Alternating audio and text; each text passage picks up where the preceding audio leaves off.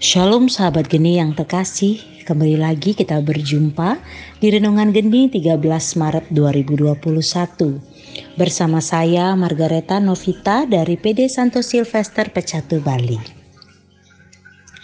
Bacaan Injil hari ini diambil dari Lukas 18 ayat 9 sampai 14. Perumpamaan tentang orang Farisi dengan pemungut cukai.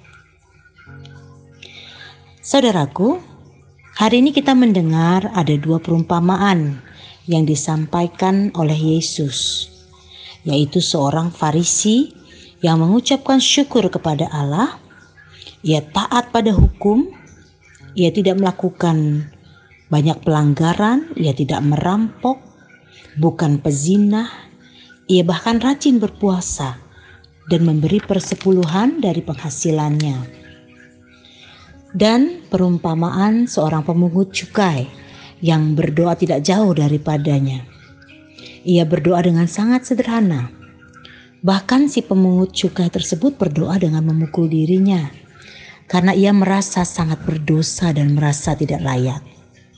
Memukul diri sebagai tanda bahwa ia sungguh-sungguh menyesal atas segala dosanya dan memohon belas kasih Tuhan.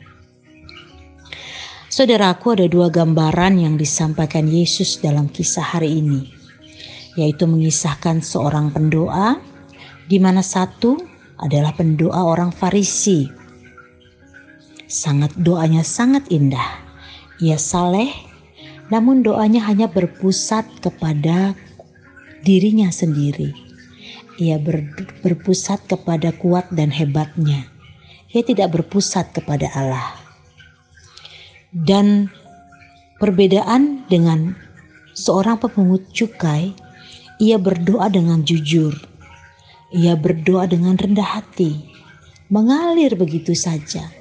Apa yang ia alami, apa yang ia rasakan, penyesalan yang ia rasakan, ia sampaikan kepada Tuhan.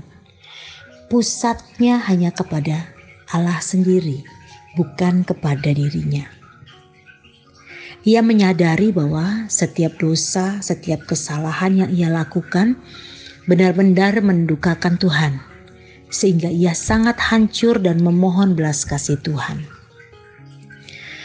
Tuhan tahu bahwa kita hanyalah manusia biasa, manusia yang tidak luput dengan dosa. Bahkan yang kita lakukan sering kali kita melakukan dosa yang sama, kita mengulangi dosa-dosa yang sama. Sudah seharusnya kita berjuang untuk meninggalkan manusia lama kita. Merasa lebih daripada yang lain. Merendahkan orang lain.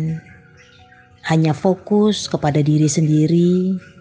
Melihat bahwa kita lebih daripada yang lain. Kita lebih kudus mungkin daripada teman-teman kita. Maka saudaraku, pada masa prapaskah ini Marilah kita membuka hati kita lebar-lebar. Mari kita izinkan Tuhan berkarya di dalam diri kita.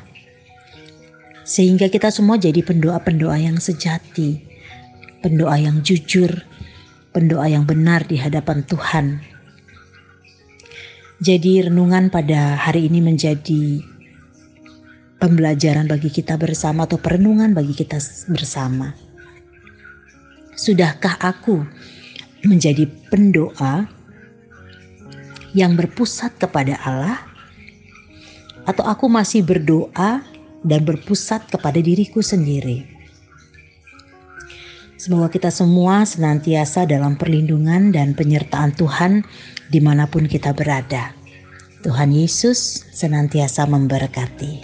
Amin.